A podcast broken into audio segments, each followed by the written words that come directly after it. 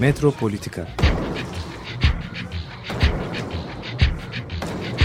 Kent ve kentlilik üzerine tartışmalar.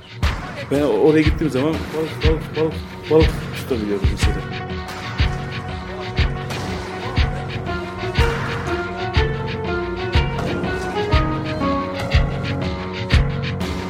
Hazırlayıp sunanlar Aysin Türkmen, Korhan Gümüş ve Murat Güvenç.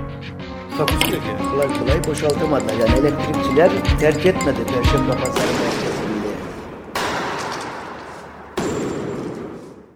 Merhabalar değerli Açık Radyo dinleyicileri. Metropolitika programı başlamış bulunuyor. Ee, karşınızda ben Korhan Gümüş. Hemen e, yanımda Murat Güvenç e, bulunuyor. E, bugün e, bu şey üzerine bir değerlendirme yapacağız aslında. İstanbul e, projelerinin aslında İstanbul'a bırakılmayacak kadar önemli olduğu gibi bir değerlendirme duyduk. Yani İstanbul yönetimine bırakılmayacak kadar önemlidir İstanbul'un projeleri diye. Bunun arkasında tabii önemli bir siyasi mesaj da var. Tabii. İlk önce buradan e, başlayalım sonra belki konulara da girebiliriz.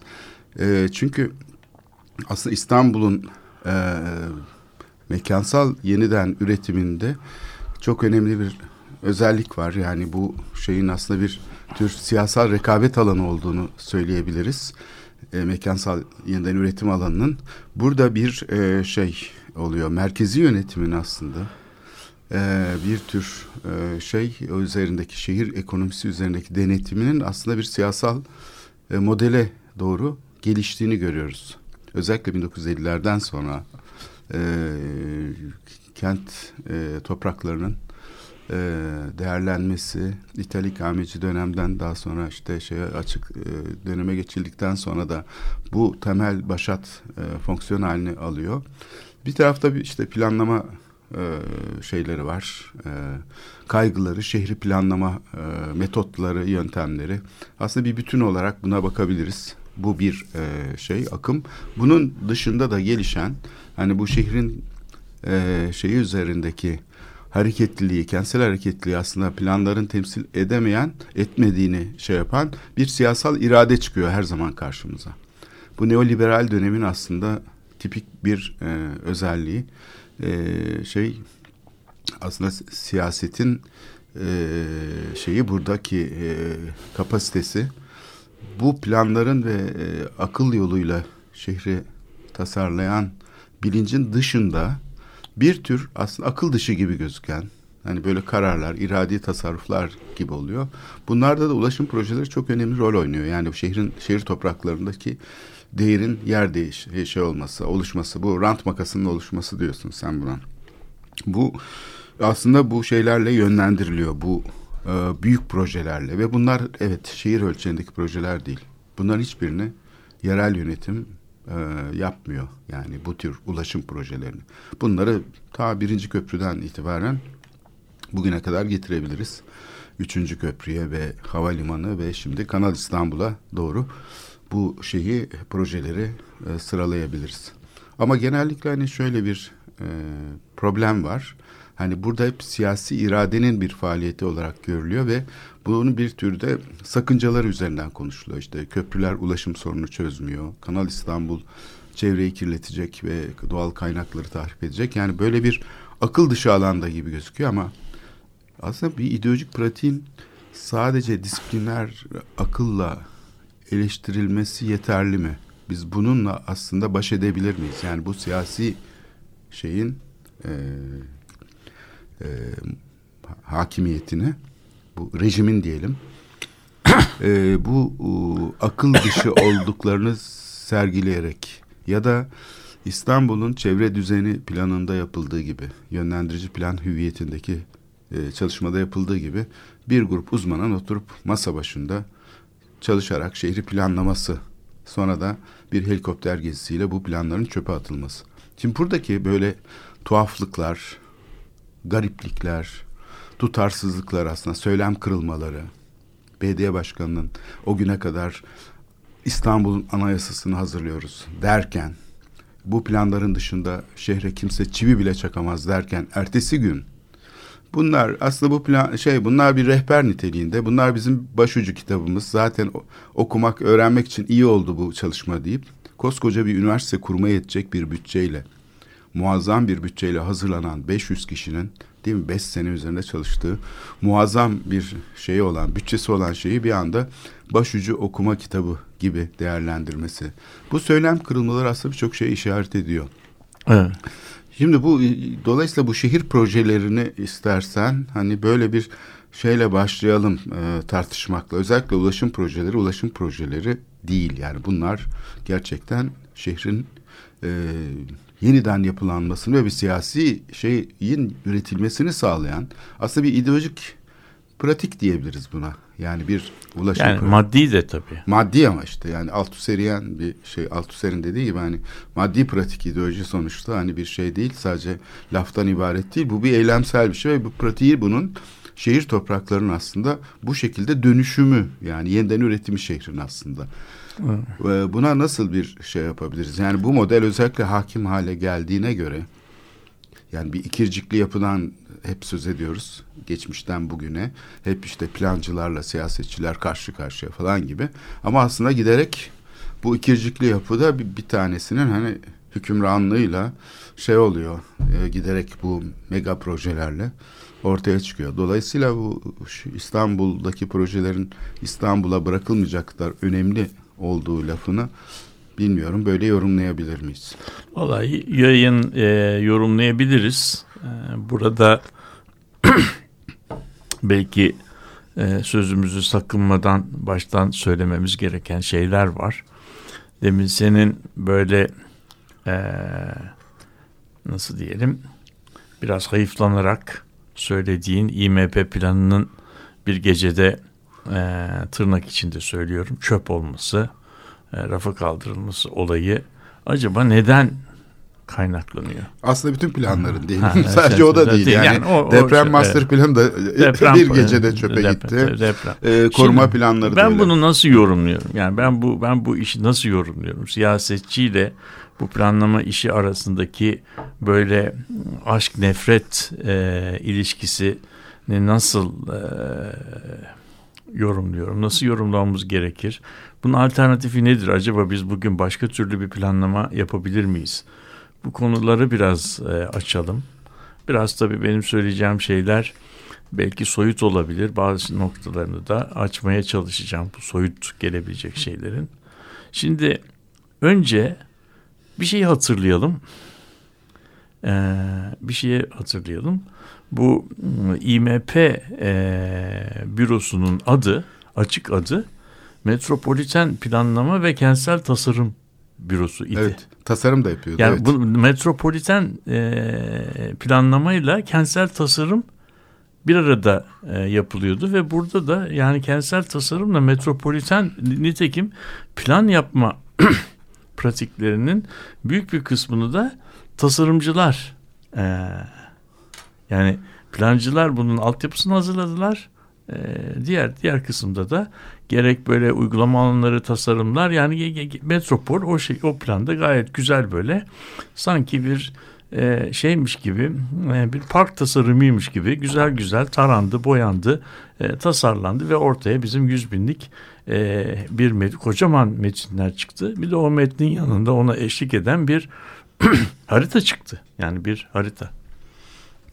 Şimdi ben burada burada bu yaklaşımda emeği geçen insanların emeklerinin hiçbirine doğrusunu söylemek gerekirse haksızlık etmek istemeden bu burada burada samimi olarak çalışan insanların ürettikleri ürünün şeyini de harcanan emeği de azımsamadan e, olaya daha biraz bir ölç bir ölçüde bir üst noktadan e, bakacağım ve bazı sorular soracağım. Bir tanesi metropoller, kentsel bölgeler yani bizim bina üstü ölçekler dediğimiz şey tasarlanabilir mi? Evet. Buradan başlıyor. Buradan buradan bak. Yani Problem buradan başlıyor. Buradan buradan, buradan bak. Evet. Eğer biz bunun tasarlanabilirliğini kabul ediyor isek o zaman bu bizi başka bir yere götürüyor. E, bir başka tarafta da eğer bu gerçekte yani fiilen ontolojik olarak tasarımın reddeden tasarım pratiğini reddeden bir düzeyde, düzlemde çalışıyorsak o zaman buna başka türlü yaklaşmak lazım. Biz onu yaklaşımı yaklaşıyor muyuz, yaklaşmıyor muyuz onu, onu tartışalım. Bu konuyu, bu konuyu e, ben izin verirsen beş dakika aşayım, bir açayım. Şimdi burada e, insanla e, yani özne ile mekan arasındaki ilişkinin e, bedenle, insan bedeniyle e, çok doğrudan ilişkisi var. Bedensel ölçekle mekan arasındaki ilişki. Şimdi Bruno Latour'un ilginç bir şeyi var, e, gözlemi var. Diyor ki biz öyle bir dünyada yaşıyoruz ki her şey, bizim dışımızdaki her şey ya bizim bedenimize göre küçük veya çok küçük ya da büyük veya çok büyük. Tam bizim cüssemizde olan, bizim ekranımız yani bizim cüssemizde olan bir başka yaratık varlık yok bu dünyada. yani at dediğimiz şey bizden büyük değil mi? Fil. Kedi bizden küçük. Yani tam bizimle böyle eşit şeyde boyda olan bir başka bir şeyimiz yok ayağa kalktığımız zaman. Hani böyle bir şeyimiz yok. Şimdi bizim diyor yani dünyayı kontrol altına alabildiğimiz ve ben bunu kontrol edebiliyorum dediğimiz tek ölçek bir A4 kağıdı ölçeğidir diyor. Bu da bizi temsil problemine getiriyor. Yani biz dünyayı bir A4 kağıdına indirdiğimiz, indirebildiğimiz ölçüde hakimiz. Anlıyoruz. Anlıyoruz diyebiliyoruz. Yani biz ölçek olarak A4 kağıdı boyutunda yani kabaca 20'ye 30'luk bir boyuta indirdiğimiz zaman ha ben bunu kontrol edebiliyorum diyor. O yüzden de A4 kağıdının ölçeği hiç tesadüfi değil. Şimdi şimdi bu bedenle şey arasında bedenle mekan ölçekleri arasında şöyle bir şey var. Bak şimdi. Ee, bir tanesi böyle iç mekan ölçeğinde nesneleri biz hep sınırlarıyla tanımlıyoruz. Yani çocuğa bana masa çiz, sandalye çiz e, dediğimiz zaman, bana çiçek çiz dediğimiz zaman çocuk çiçeğin e, çiçeği çiçeği sınırlayan çeper çizgisini çizdiği zaman veya bardağın çeperini çizdiği zaman veya sandalyenin dış çizgilerini çizdiği zaman şeyi e, efendim o nesneyi temsil etmiş oluyor. İç mekan düzeyinde, iç mekanların tasarımında biz nesneleri sınırları ile tanımlıyoruz. Sınır nesneyi tanımlayan öge oluyor. Nesne kendi dışındaki şeylerden onu sınırlayan çizgiyi çizdiğimiz zaman o nesneyi tanımış oluruz. Güzel. Bina ölçeğinin dışına çıktığımız zaman yani binanın dış ölçeğine çıktığımız zaman bir binalar kompleksinden bahsettiğimiz zaman ki mimarlar buna vaziyet planı ölçeği diyorlar. 3-5 tane binanın birbirine göre konumunu gösteren planlama çerçevesine çıktığımız zaman bu noktada da nesneleri, binaları, yapıları, girişleri, çıkışları yine çizgileriyle gösterebiliyoruz. Gösteremediğimiz zaman, bunlar üzerinde hakimiyet kurmak istediğimiz zamanda da bu üç boyutlu e, nesnenin bina bizden büyük olmasına rağmen modelini kuruyoruz. Yani modellerle oynamak suretiyle o vaziyet planı üzerinde bir hakimiyet kuruyoruz. Ama bir tık daha yukarıya çıktığımız zaman kent ölçeğine geçtiğimiz zaman bu sefer yerle beden ilişkisi sınırla tanımlanamaz hale geliyor. Buna daha önceden de şey yaptık.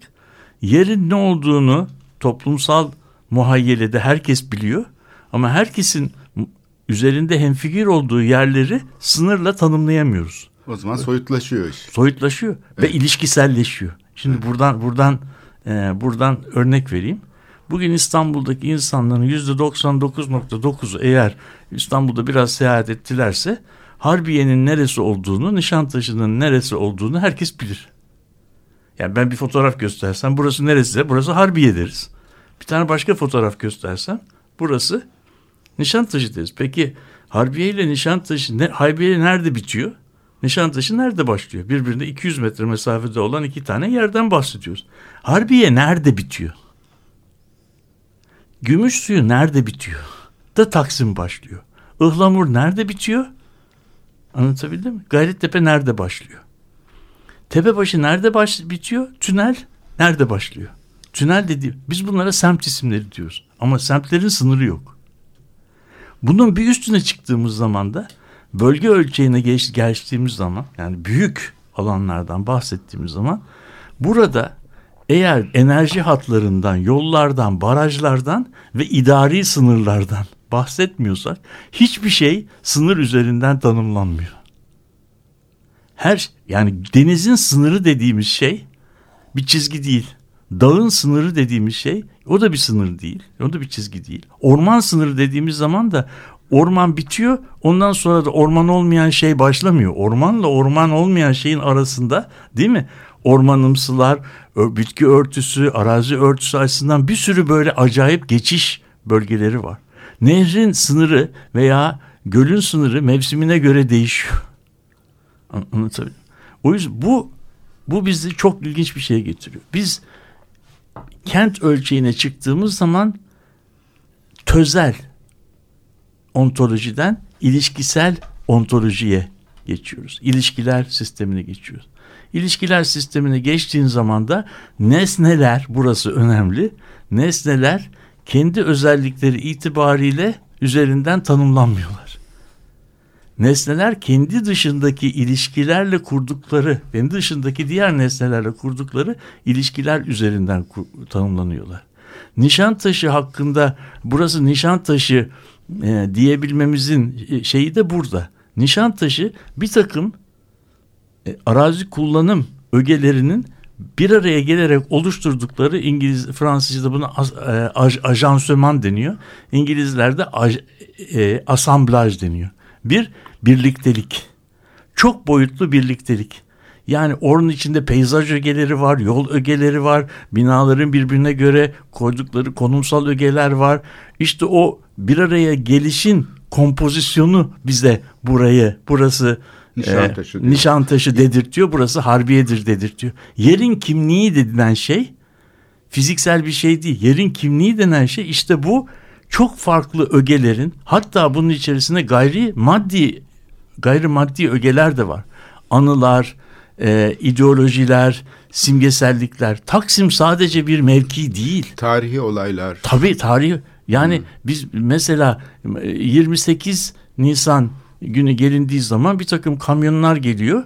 Taksim Meydanı'nın etrafında bir demir çerçeve kuruyor. 29 Nisan'da bunu şey yapıyorlar. 1 Mayıs geldiği zaman Taksim'in etrafındaki demir çerçeve tamamlanmış oluyor. Evet her sene yapılıyor. Her sene yapılıyor. Yani bu şimdi o oradaki o demir çerçeve Taksim Meydanı'nın özelliklerinden bir tanesi. Yılın belli mevsiminde e, o meydanın kalkıp gitme özelliği var. Gitmesin diye meydanı e, çerçevelerle tutmak gerekiyor. Yani zapt edilmezse o meydan değil mi 1 Mayıs günü geldiği zaman kendinden beklenmeyen hareketlere sebep olabilir. Yani bunu tabii latife olarak söylüyorum ama o da o da meydanın parçalarından bir tanesi. Kazancı yokuşu dediğimiz yokuşun değil mi? Orası bir meyil değil. Orası orasının üzerinde o yokuşun üzerinde yüklenmiş bir sürü bir anlamlar silsilesi de var. Burasını da biliyoruz değil mi? Onun için biz her meyil yere karanfiller bırakmıyoruz. Belli bir yere karanfil bırakıyoruz. Şimdi bu yeri demek ki oluşturan şey bu çok boyutluluk. Bu çok boyutluluk işte kardeşim çizgiyi çizgiye meydan okuyor. Temsil. Te, çizgi. Ben ben çizgi yedim. Yani, yani simgesel çok, hiçbir şey bunun e, şeyini tam olarak gelemiyor. üstesinden gelemiyor. Yani çizgiyle, evet. animasyonla çizerek ama bardak çizebilir misiniz? Evet bardak bardakta e, bardakta az çok çizebiliriz. Çizebiliriz. Ama şehri çizebilir misin? Şehri çizebilir misin? O çizdiğin şey şehri temsil eder Edebiliyor. Bir şey, şehrin bir imgesini çize, çizebilirsiniz. Ayrı hikaye ama o çizdiğimiz nesne, nes, o çizdiğimiz şekil değil mi? Ee, şeyi temsil eder mi? E peki burada ha, yani... şimdi o zaman bu bu bizi ilişkisel temsile getiriyor. Burada bir burada da bir ilişkisellik var. Burada da bir temsil var ama bu temsil bizim e, bizim alıştığımız temsil değil. Burada o nesneyi o nesneyi bütünselliği içerisinde yeniden kurgulamayı gerektiren bir temsil biçiminden bahsediyoruz. Bu, bu da işte bütün adına dediğimiz bu nesnenin maddi, gayrimaddi, işte toplumsal, iktisadi, kültürel ne dediyse bütün selliği içerisinde bunu yeniden kurmamızı e, gerektiriyor. Şimdi diyeceksin ki kardeşim sen öyle bir şey söyledin ki bunun yapılabilirliği var mı? Yok yok yani hepsini koyalım o zaman. Hatta- hatta hepsi Ne- koyalım. Şehrin kendisini hatta Evet, temsile evet, koyalım. ha. Evet. Peki bu, bu böyle bir şey. Böyle bir şey peki tarihte bunu böyle bir çılgınca şeyi düşünen birisi olmuş mu? Bence olmuş. Olmuş. Adam niye kazanamamış da bunun alternatifi kazanmış? Çünkü o zaman adına bilgisayar dediğimiz nesne yokmuş. Bakın şimdi birazcık buradan nereye geliyoruz? Bundan 270 yıl önce Newton ile Leibniz, Leibniz arasında çok büyük bir bilimsel tartışma çıkmış.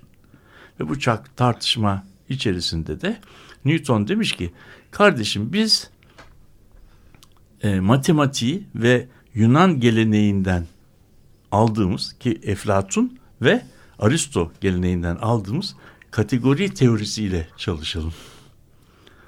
Ve bunun üzerinden de bir yeni bir yeni mo- modernitenin dilini, bilimsel dilini kuralım. Ve de bu dil Newton'un kaleminin altında e, Newton'un kaleminin altında Principia Mathematica diye bir şeye götürüyor. Ama bir de bunun e, rakibi var. Rakibi de Leibniz. Leibniz de diyor ki nesneleri arkadaşım nesneleri kendi özellikleri yerine tanımlamak yerine nesneyi kendi dışındaki diğer nesnelerle kurduğu ilişkiler üzerinden tanımlayalım diyor. Bunu böyle bir şey olabilir mi? Olabiliyor. Mesela biz bunun bunun bazı özellikleri var. Deniz üzerinde deniz üzerinde bazı mevkiler eğer bizim GPS'lerimiz falan yoksa şeyciler, e, balıkçılar nesneleri kerteriz alma dedikleri bir sistemle şey yapıyorlar. Bir mevki şey atamıyorsun. Hani balık var ama demir falan atamıyorsun. Çok derin. Ne yapacaksın? Ne yapacaksın? O zaman e, belli referans noktalarına yani oradaki topağaca göre kuzey topağaca göre 30 derece işte e, doğudaki bilmem kilise çanına göre 270 derecedeki aksların kesiştiği noktadır o balıkların olduğu yer. Balıkçılar buna nişan diyorlar. Nişan. Bu nişanları bildikleri zaman o yere gidiyorlar ve orada balık tutuyorlar. Balıkçı aileleri de birbirlerine bu nişanları geçiriyor. Sır olarak. Sır olarak. Evet aile içi sır. Aile içi sır. Şimdi bu ama kullanılıyor. Şimdi 1996'da çok ilginç şeyler oldu. Bir tane e, etnik bir Türk olan bir sosyolog Mustafa Emir Bayer sosyolojiyi tözel bir sosyoloji olarak kurmak yerine ilişkisel olarak yeniden kurmamız gerekir diye Manifesto for a Relational Sociology diye bir şey yazdı. Bu manifesto bizim bildiğimiz manifestoya çok benzer bir e, şeyde e, dilde kaleme alınmış. Ama sosyolojinin ilişkisel olarak kurulmasını öneriyor. Keza David Harvey'in e, Adalet, Doğa ve Farklılıkların Coğrafyası isimli e, kitabı aslında bizim entelektüellerin tözel olarak düşünmek yerine ilişkisel olarak düşünmeye geçmemizi e, söylüyor. Şimdi şehir meselesi konusuna geldiğimiz zaman bu tabii şehir meselesinde de sınırlar üzerinden düşünmek yerine şehri şehir olmayana referansla tanımlamak yerine ki bizim bütün referansımız şehir kır üzerinden Evet. tanımlanıyor. E, bugünkü dünyada bütün modern şehir literatürü kır-kent ikileminin bittiğini ilan ediyor. Kır-kent ikileminin bittiği demek artık kır dediğimiz şeyin de şehirsel ilişki sistemi içerisinden e, işgal edildiğini söylüyor. Bugün Türkiye'de eğer idari olarak bakarsan İstanbul Belediye sınırının zaman içerisindeki şeyine bakarsan bugün İstanbul'da adına köy denen şey kalmamış vaziyette. Aslında doğa için de aynı şeyi söyleyebiliriz. Ta- ta- tabii. Kültür e, tarafından işlenen ya da işte Evet, kültürel anlamı olmayan bir doğa yok sayılıyor. Yok tabii. Hiçbir o zaman, zaman- biz bunu Hiçbir hiçbir zamanda artık doğa dediğimiz şeyin hiçbir anda e, doğal doğa yok yani. Bizim çünkü bugün orman tabii bizim bugün gördüğümüz bazı böyle çok el değinmemiş ormanlar fi tarihinde insanlar tarafından yakılmış, yok edilmiş bir şeyin üzerinde e, kurulmuş olan yeni bir arazi örtüsü olduğu gösteriliyor. Vakti zamanında buralar e, yakılmamış olsaydı orada gözlediğimiz şey farklı olacaktı. Şimdi bu mesele e, bu mesele e, İlhan Tekeli'nin işte yakın zamanlarda yayınlanan Kırkent e, ikilemi karşıtlığı ortadan e, kalkarken şehirsel e, şehirleri nasıl temsil etmeli e, konusuna getiriyor. Burada keselim. Bu kitabı e, bir daha söyler misin? Kitap nereden yayınlandı? Ve İdeal Din- Kent İdeal Kent yayınlarından e, çıktı. E, şeyde e, üst başlığı dünya Türkiye'de ve dünyada kır kent e, ayrımı sona erirken yerleşmelerin temsil sorunları diye bir e, bir kitap çok önemli olduğunu düşünüyorum. Bu kitap bize bugünkü içinde yaşadığımız e, yerleşmeleri nasıl temsil etmemiz konusunda e, ipuçları veriyor ve neyi yapmamamız konusunda da ipuçları veriyor. O yüzden o yüzden şehirle ilgili yapıp ettiklerimizi bence bu zamanın ontolojisine referansla değerlendirmemiz gerekir diye düşünüyorum. Evet programın istersen ikinci bölümünde şimdi sen sosyolojiden açarak tözel bir sosyolojiden ilişkisel İlişkiler- bir sosyolojiye nasıl geçilebilir diye sordun ya da daha sorulan e, bir soruyu gündeme getirdin. Aynı şeyi aslında şehir planları içinde Söyle- söyleyebilir miyiz Söyledim. Sizce- derken burada tabii çok önemli bir şey. Bu ilişkisellik insan olmayanları da içeriyor. Tabii. İnsan dışı olanı da. Halbuki biz insan merkezli kaldığımız anda buradaki e, şey e, ilişkisellik Temsil- meselesi Tabii. o zaman tek bir optik gibi algılanıyor. Hani bizim şimdi planlarda sosyologları katmadıkları söylenemez. Sulkule projesine bile sosyologları katıyorlardı. Tabii. Yani yapanlar ama bunlar hiçbir zaman e, çoklu bir optik içinde farklı farklı optikler arasındaki bir ilişkiselliği içermiyordu. Evet. O idari şeyin Evet. içindeydi. Mesela Çok disiplinlilik ilişkisellik İlişki- demek değil. değildir. Yani çevre düzeni planları olsun bugün e, şeylerden e, bir ormanda mesela maden araştırması için kazan bir şirketten istenen raporlar olsun. Bunlar hep aslında tek merkezli Tabii. e, tabii. şeyler. İçine sosyolojiyi işte so- e, sosyal etki değerlendirmesini falan katmış olsa bile Bunlar bunlar hiçbir şekilde bu senin sözünü ettiğin ilişkisellik modeli değil. değil. İlişkisellik Evet. tözelliğin üzerine sürülen bir krema değil. Evet bunu işte bunu istersen en başta. Sonra- bunu tartışmamız gerekecek. Evet. Sen de Burada galiba e, müzik olarak e, bu son zamanlarda pek e, meşhur olan Hayley Reinhardt'tan Creep isimli şarkıyı dinliyoruz. When you were here before, you couldn't look you in the eye. Just like an angel. Your skin makes me cry. You float like a feather in a beautiful world. I wish I was special.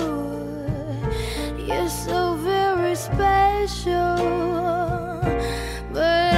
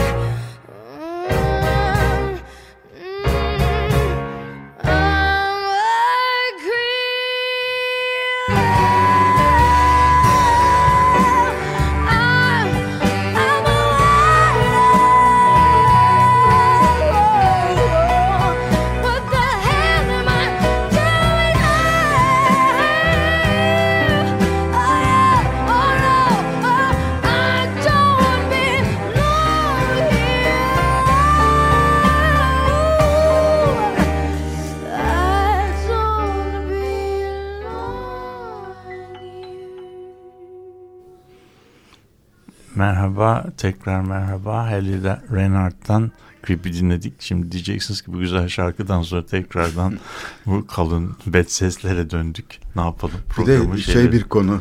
Yani e, böyle tutup yakalanabilecek bir El- konu ele değil. Öyle bir şeyden Evet. söz ediyorsun ki yani Türkiye'nin siyasi rejimin oluşumunda çok önemli bir Evet. şeye şu anda yani Evet, Ne dokunuyoruz. yapalım böyle bir şey. Evet. Evet, bir Burada taraftan- kitabı tekrar e, söyleyeyim şimdi demin yanında yoktu da Türk dünyada ve Türkiye'de 40 kent karşıtlığı yok olurken yerleşmeler için temsil sorunları ve strateji önerileri. Yani bunun içerisinde yeni alternatif stratejiler de içeriyor. İlhan Tekeli'nin İdeal Kent yayınlarından çıkan oldukça yeni bir kitabı. Bu kitabı bütün dinleyicilerimiz için eee, öneririm. E, şimdi bu ilişkisel temsil ve tözel temsil dediğimiz şeyler genellikle yani iktisat kitaplarının filan e, en başındaki bir iki tane küçük paragrafta herkesin atladığı yazılan şeylerdir. Yani esasen dünyayı nasıl okumamız gerektiği konusundaki temel varsayımlar buralarda. Biz bu tözelliği tözelliği bir e, nasıl diyelim tanım gereği a priori olarak kabul ettiğimiz zaman dünyayı ilişkisel olarak okuma yeteneğimizi de peşinen ket vurmuş oluyoruz ve ondan sonra da bunu böyle e, göremiyoruz. Ondan sonra ne yaparsak yapalım ilişkiler bizi tekrar aynı e, şeylere, aynı nasıl diyelim kısır döngülere, İçine farklı sokuyor, biçimlere, evet, modaliteler değişebilir, ki şahıslar değişebilir ama bazı uygulamalar değişebilir. Ki onun da değiştiğini görüyoruz. Fakat biraz bu metropol e, kent, e, bölge, e, bu yerleşme sistemi arasındaki ilişkilere ilişkisel bakmadan, ilişkisel olana ilişkisel bakmadan,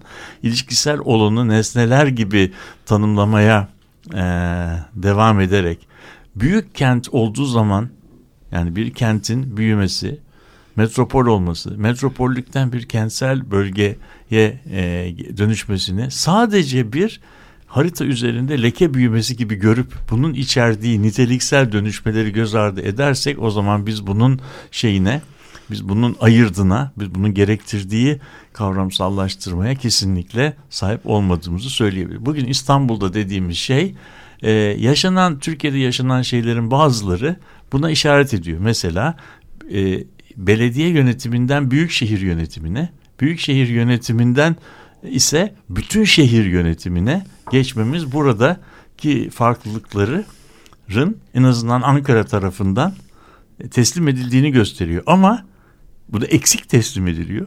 Çünkü bu e, şey idari yapı da bizim sınırlar il sınırlarında duruyor.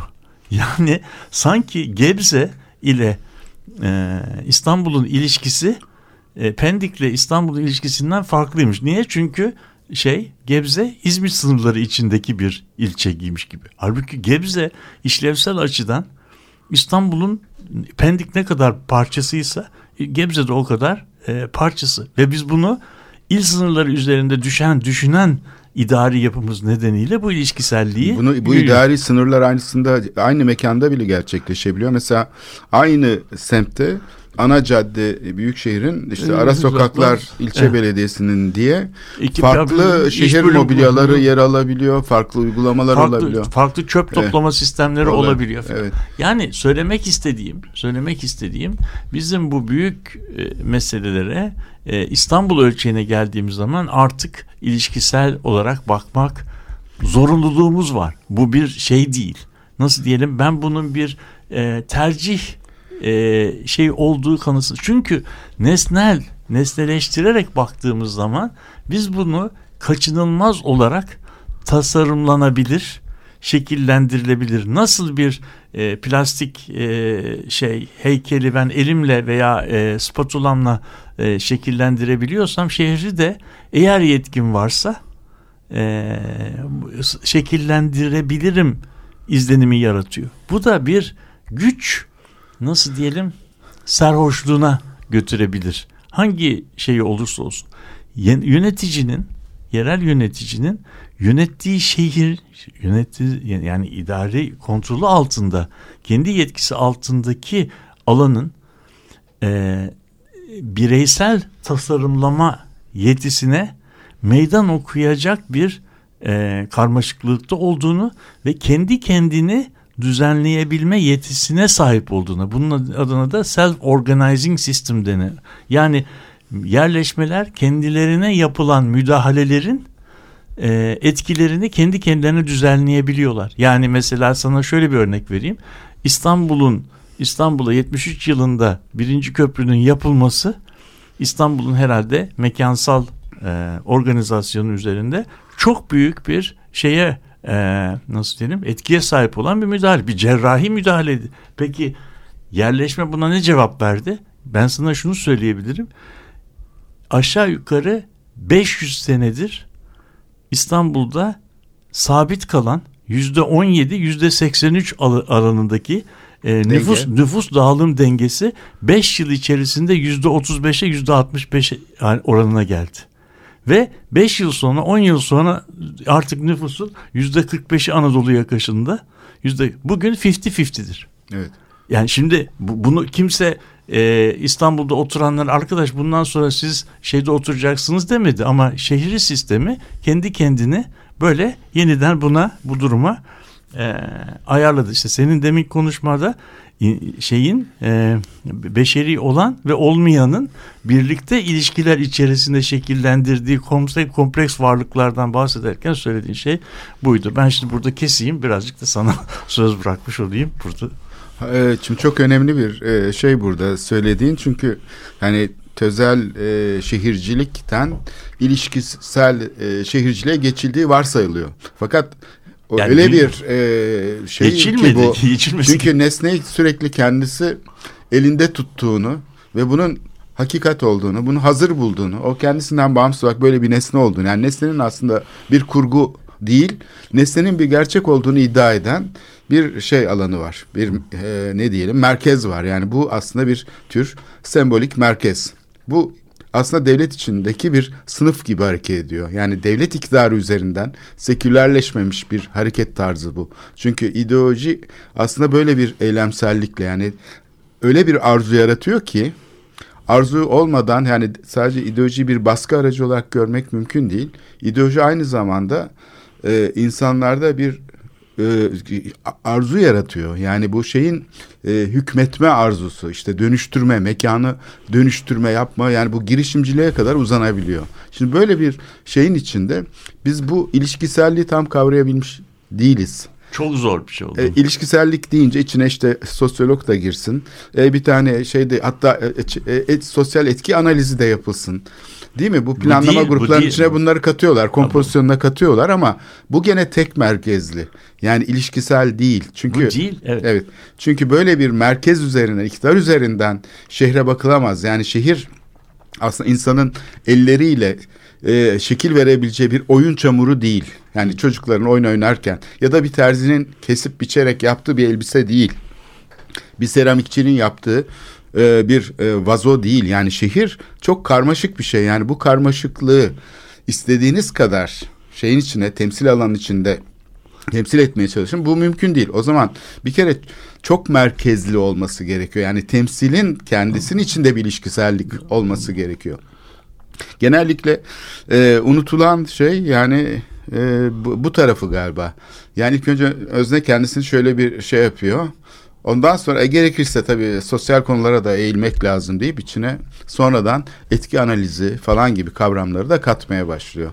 Bu- Bunlar bu, bu etki analizinin 80 türlüsünü yapsan il- ilişkiselliği getirmiyor. Çünkü ilişkisellik başka bir şeyden bahsediyoruz. İlişkisellik nesnenin il- ilişkisellik ontolojik bir şey. Nesneyi nasıl tanımlıyoruz? Nesneyi kendi özellikleri içerdiği özellikleri üzerinden mi tanımlıyoruz? Yoksa bizim nesne dediğimiz şeyi kendi dışındaki diğer varlıklarla kurduğu birliktelik veya itme ilişkileri. Bunun adına mevcudiyet veya na mevcudiyet. Fransızca'da prezans, koprezans veya kospasiyalite deniyor. Yani aynı mekanı neler aynı mekanı birlikte şey yapıyorlar, paylaşıyorlar. Ne hangi hangi özellikler, hangi nesneler, hangi bireyler bir mekanda, bir bağlamda diğer mekan diğerleriyle beraber olmak istemiyorlar afinite diye bir kavram var. İşte Bodrum çok bozuldu. A buranın havası çok iyi dediğimiz zaman bir yerle ilgili olarak bu adını koymakta zorlandığımız asamblajdan bahsediyoruz. Ajansömandan bahsediyoruz. Nesnelerin, varlıkların bir araya gelerek şekillendirdikleri şey. Yer dediğimiz şeyle mevki arasındaki fark bu demek. Mevki coğrafi bir konum. Yani haritada enlemi boylamı olan bir yer. Taksim Meydanı'nın da bir enlemi ve boylamı var. Ama Taksim Meydanı bir mevki değil. Evet. Taksim Meydanı bir yer. Niye yer? Çünkü Taksim Meydanı bir mev- mevkiler genellikle nesnel, nötr konumlardır. Enlemi şu kadar derece, şu kadar ama Taksim Meydanı'ndaki bu konum sadece enlem, boylam, derece, saniye meselesinin ötesinde milyon tane yaşanmışlığı da içeriyor. Bir de geleceği içeriyor. Geleceği yani, Yani o sadece zaman- geçmişi değil. e tabii. Geçmişteki Bugün- bugün- eylemselliklerin bugün, de- bu- bugünü de içeriyor. Geçmişte olabileceklere ilişkin Aynı muhayyeleri şekilde. de içeriyor. E, Evet. E şimdi o zaman burası burası enlem ve boylamdan oluşan bir yer değil. İşte ilişkisellik demek buranın geçmişi, bugünü ve geleceğe ilişkin bütün muhayyelliklerini de toplayan bir şey. Ve bu- peki bu insanlar insanlar her birinde bir bir muhayyele var. Her kullanıcı, her şehirli kenti kendi e, bakış açısından bir şekilde inceliyor. Bu da bu da işte şeyin e, nasıl diyelim Leibniz'in dünyadaki bütün öznelerin dünyayla bir farklı perspektiflerden bir takım ilişki kurduklarını söylüyor. O dönemde bu çok fantezi e, içerisindeki bir e, bir düşünce biçimi. Bir tarafta Newton'un Principia Mathematica'sının rigor'ı var. Öbür tarafında da böyle 270 sene sonra önce uçuk kaçık söyleyebildiğimiz bir şey. Her bir bireyimiz dünyayla ilişki kurabilen bir terminal noktası olabilir miyiz? 50 sene sonra önce bunu söyleseydin herkes yok canım öyle bir şey olamaz. Biz telefon bile edebilmek için telefonun olduğu yere gitmek zorundaydık değil mi? Evet. Evet ama bugün şu akıllı telefonla bizim bulunduğumuz her yer dünyanın her noktasıyla iyi kötü bağlantı kurabileceğimiz bir yer. Önümüzdeki 20 sene sonra benim telefonumun bulunduğu nokta ile ben Melbourne Üniversitesi'nin kütüphanesi arasındaki bağlantıyı düşünemiyorum bile. Yani belki ben orada bir nesneyi alacağım, e, şeyini bile değiştirebileceğim telefonda. Değil mi? Görüntüsünü bile değiştirebileceğim. Şimdi o bunun adı da mona, monadoloji diyor şeyin. Monadlar. Yani dünyanın dünyayla ilişki içerisinde olan özneler kümesinden bahsediyor. Şey de David Harvey de 1996'da bu e, doğa e, e, adalet doğa ve farklılıkların coğrafyası isimli bence baş eseri kabul edilmesi gereken kitaplarından bir tanesinde de bunu açıkça söylüyor. Bundan 5 yıl önce 5 yıl önce Manuel Castells yerler mekanı e, olmaktan çıkıp akımlar mekanına geçtik derken bu laf işte bizim artık yerlerin tözel olarak sınırlandırılan e, şeyler olmaktan çıktığını akımlar üzerinden şekillenen varlıklar, ilişkisel varlıklara dönüştüğünü söylüyor.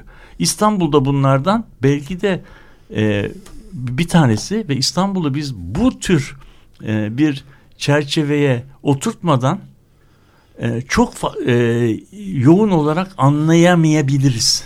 Çok radikal bir şey yapmamız gerekiyor. Yani Evet, bunu çok- çok- söylerken Evet. hani azıcık da sosyoloji katalım ya da işte planlama metodunu Ha, herkes azıcık gözden geçirelim de herkes katılsın falan değil. Ha. Şimdi İstanbul'daki yani öyle bir noktadayız ki aslında bir tercih yapmak zorundayız. Evet. Ya e, bu rejim bu şekilde e, bir katastrofik e, şey kazanacak ya da biz bu şeyi f- farkına varacağız. Yani iç- ilişkisel metotları e, böyle göstermelik bir şekilde değil ciddiye alarak benimseyerek yapmaya çalışacağız. Çünkü ilişkisel olmayan metotlarla yapılan şehir planları e, hani biraz e, Freudian bir şey söyleyeceğim ama hani arzuyu kamçıladı. Onun te- tesis etmesini, tesis edilmesine yol açtı. Yani arzuyu silmedi. Özneleri yani bu temsil edilmeyenin, izi silinenlerin, işaretsizleştirilenlerin aslında biz bu kayıt dışı kaldıklarını ve hiçbir etkilerinin olmadığını düşünüyoruz. Aynı eşyalar gibi. Onlar da eşyalar gibi. Bu insan merkezci yaklaşımda e, insan olmayanlar zaten dışlanmış durumda. İnsanların da büyük bir bölümü şeyin dışında, temsil sahnesinin dışında. Oysa ki öyle değil. Bu tam tersine arzuyu kamçılıyor ve siyaset üzerinde bu temsil edilmeyenlerin temsili muazzam bir etki yaratıyor. Yani o kuralların, yasakların e, şey olmasında, e, çiğnenmesinde. Dolayısıyla bu e, kuralsız ve kurallı iç içe geçmiş şeyin aslında gözden geçirilmesi için çok önemli bir fırsat bu ilişkiselliği Ha, evet. yeniden tesis etmek. Şimdi tabii yüzde 99.999 ihtimalle bizim bugün burada söyleyeceği söylediklerimizin tamamı havalara uçacak bir şeylerden bir tanesi. Evet. Neden? Çünkü pratik olarak ilişkiselliğin en az öbür alternatifi kadar e, elle tutulur örnekler eylem- eylemleri lazım, pratik, elle tutulur ürünler vermesi Evet. lazım. Şimdi e, metodolojide bir e, kun- bir kural var. E, bu da şöyle çevrilebilir. Pastanın bizim pasta dediğimiz şeyin delili, kanıtı, lezzeti tarifnamesinde değil, yemesindedir diye. Yani güzel güzel ilişkisellikten bahset ama ilişkiselliğin bana ne Hayal olan. sağladığını. Evet. Şimdi bu konuda belki bu konuda belki bir e, programın reklamını önceden e, yaparak bitirebiliriz. Yani ben e, belki yıllarca çalışarak İstanbul'un göçlerine ilişkisel olarak bakmayı denedim.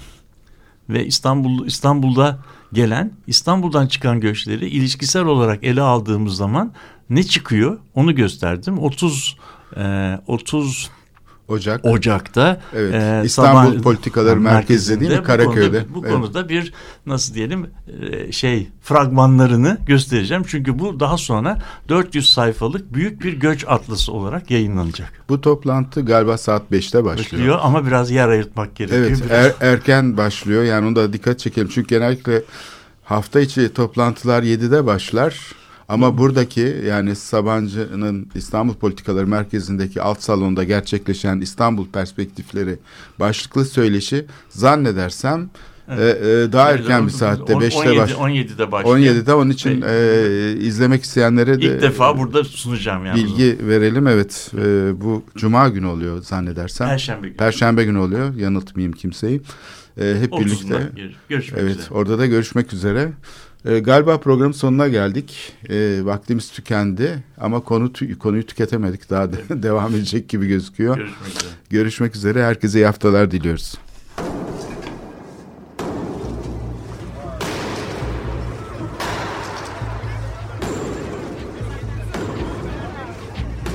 Metropolitika Kent ve kentlilik üzerine tartışmalar. Ben oraya gittiğim zaman balık balık balık balık tutabiliyorum mesela.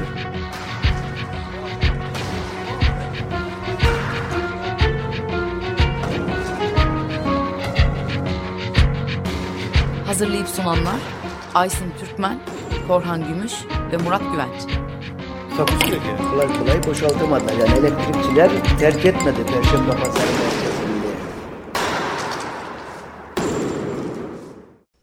Açık Radyo program destekçisi olun. Bir veya daha fazla programa destek olmak için 212 alan koduyla 343 41 41.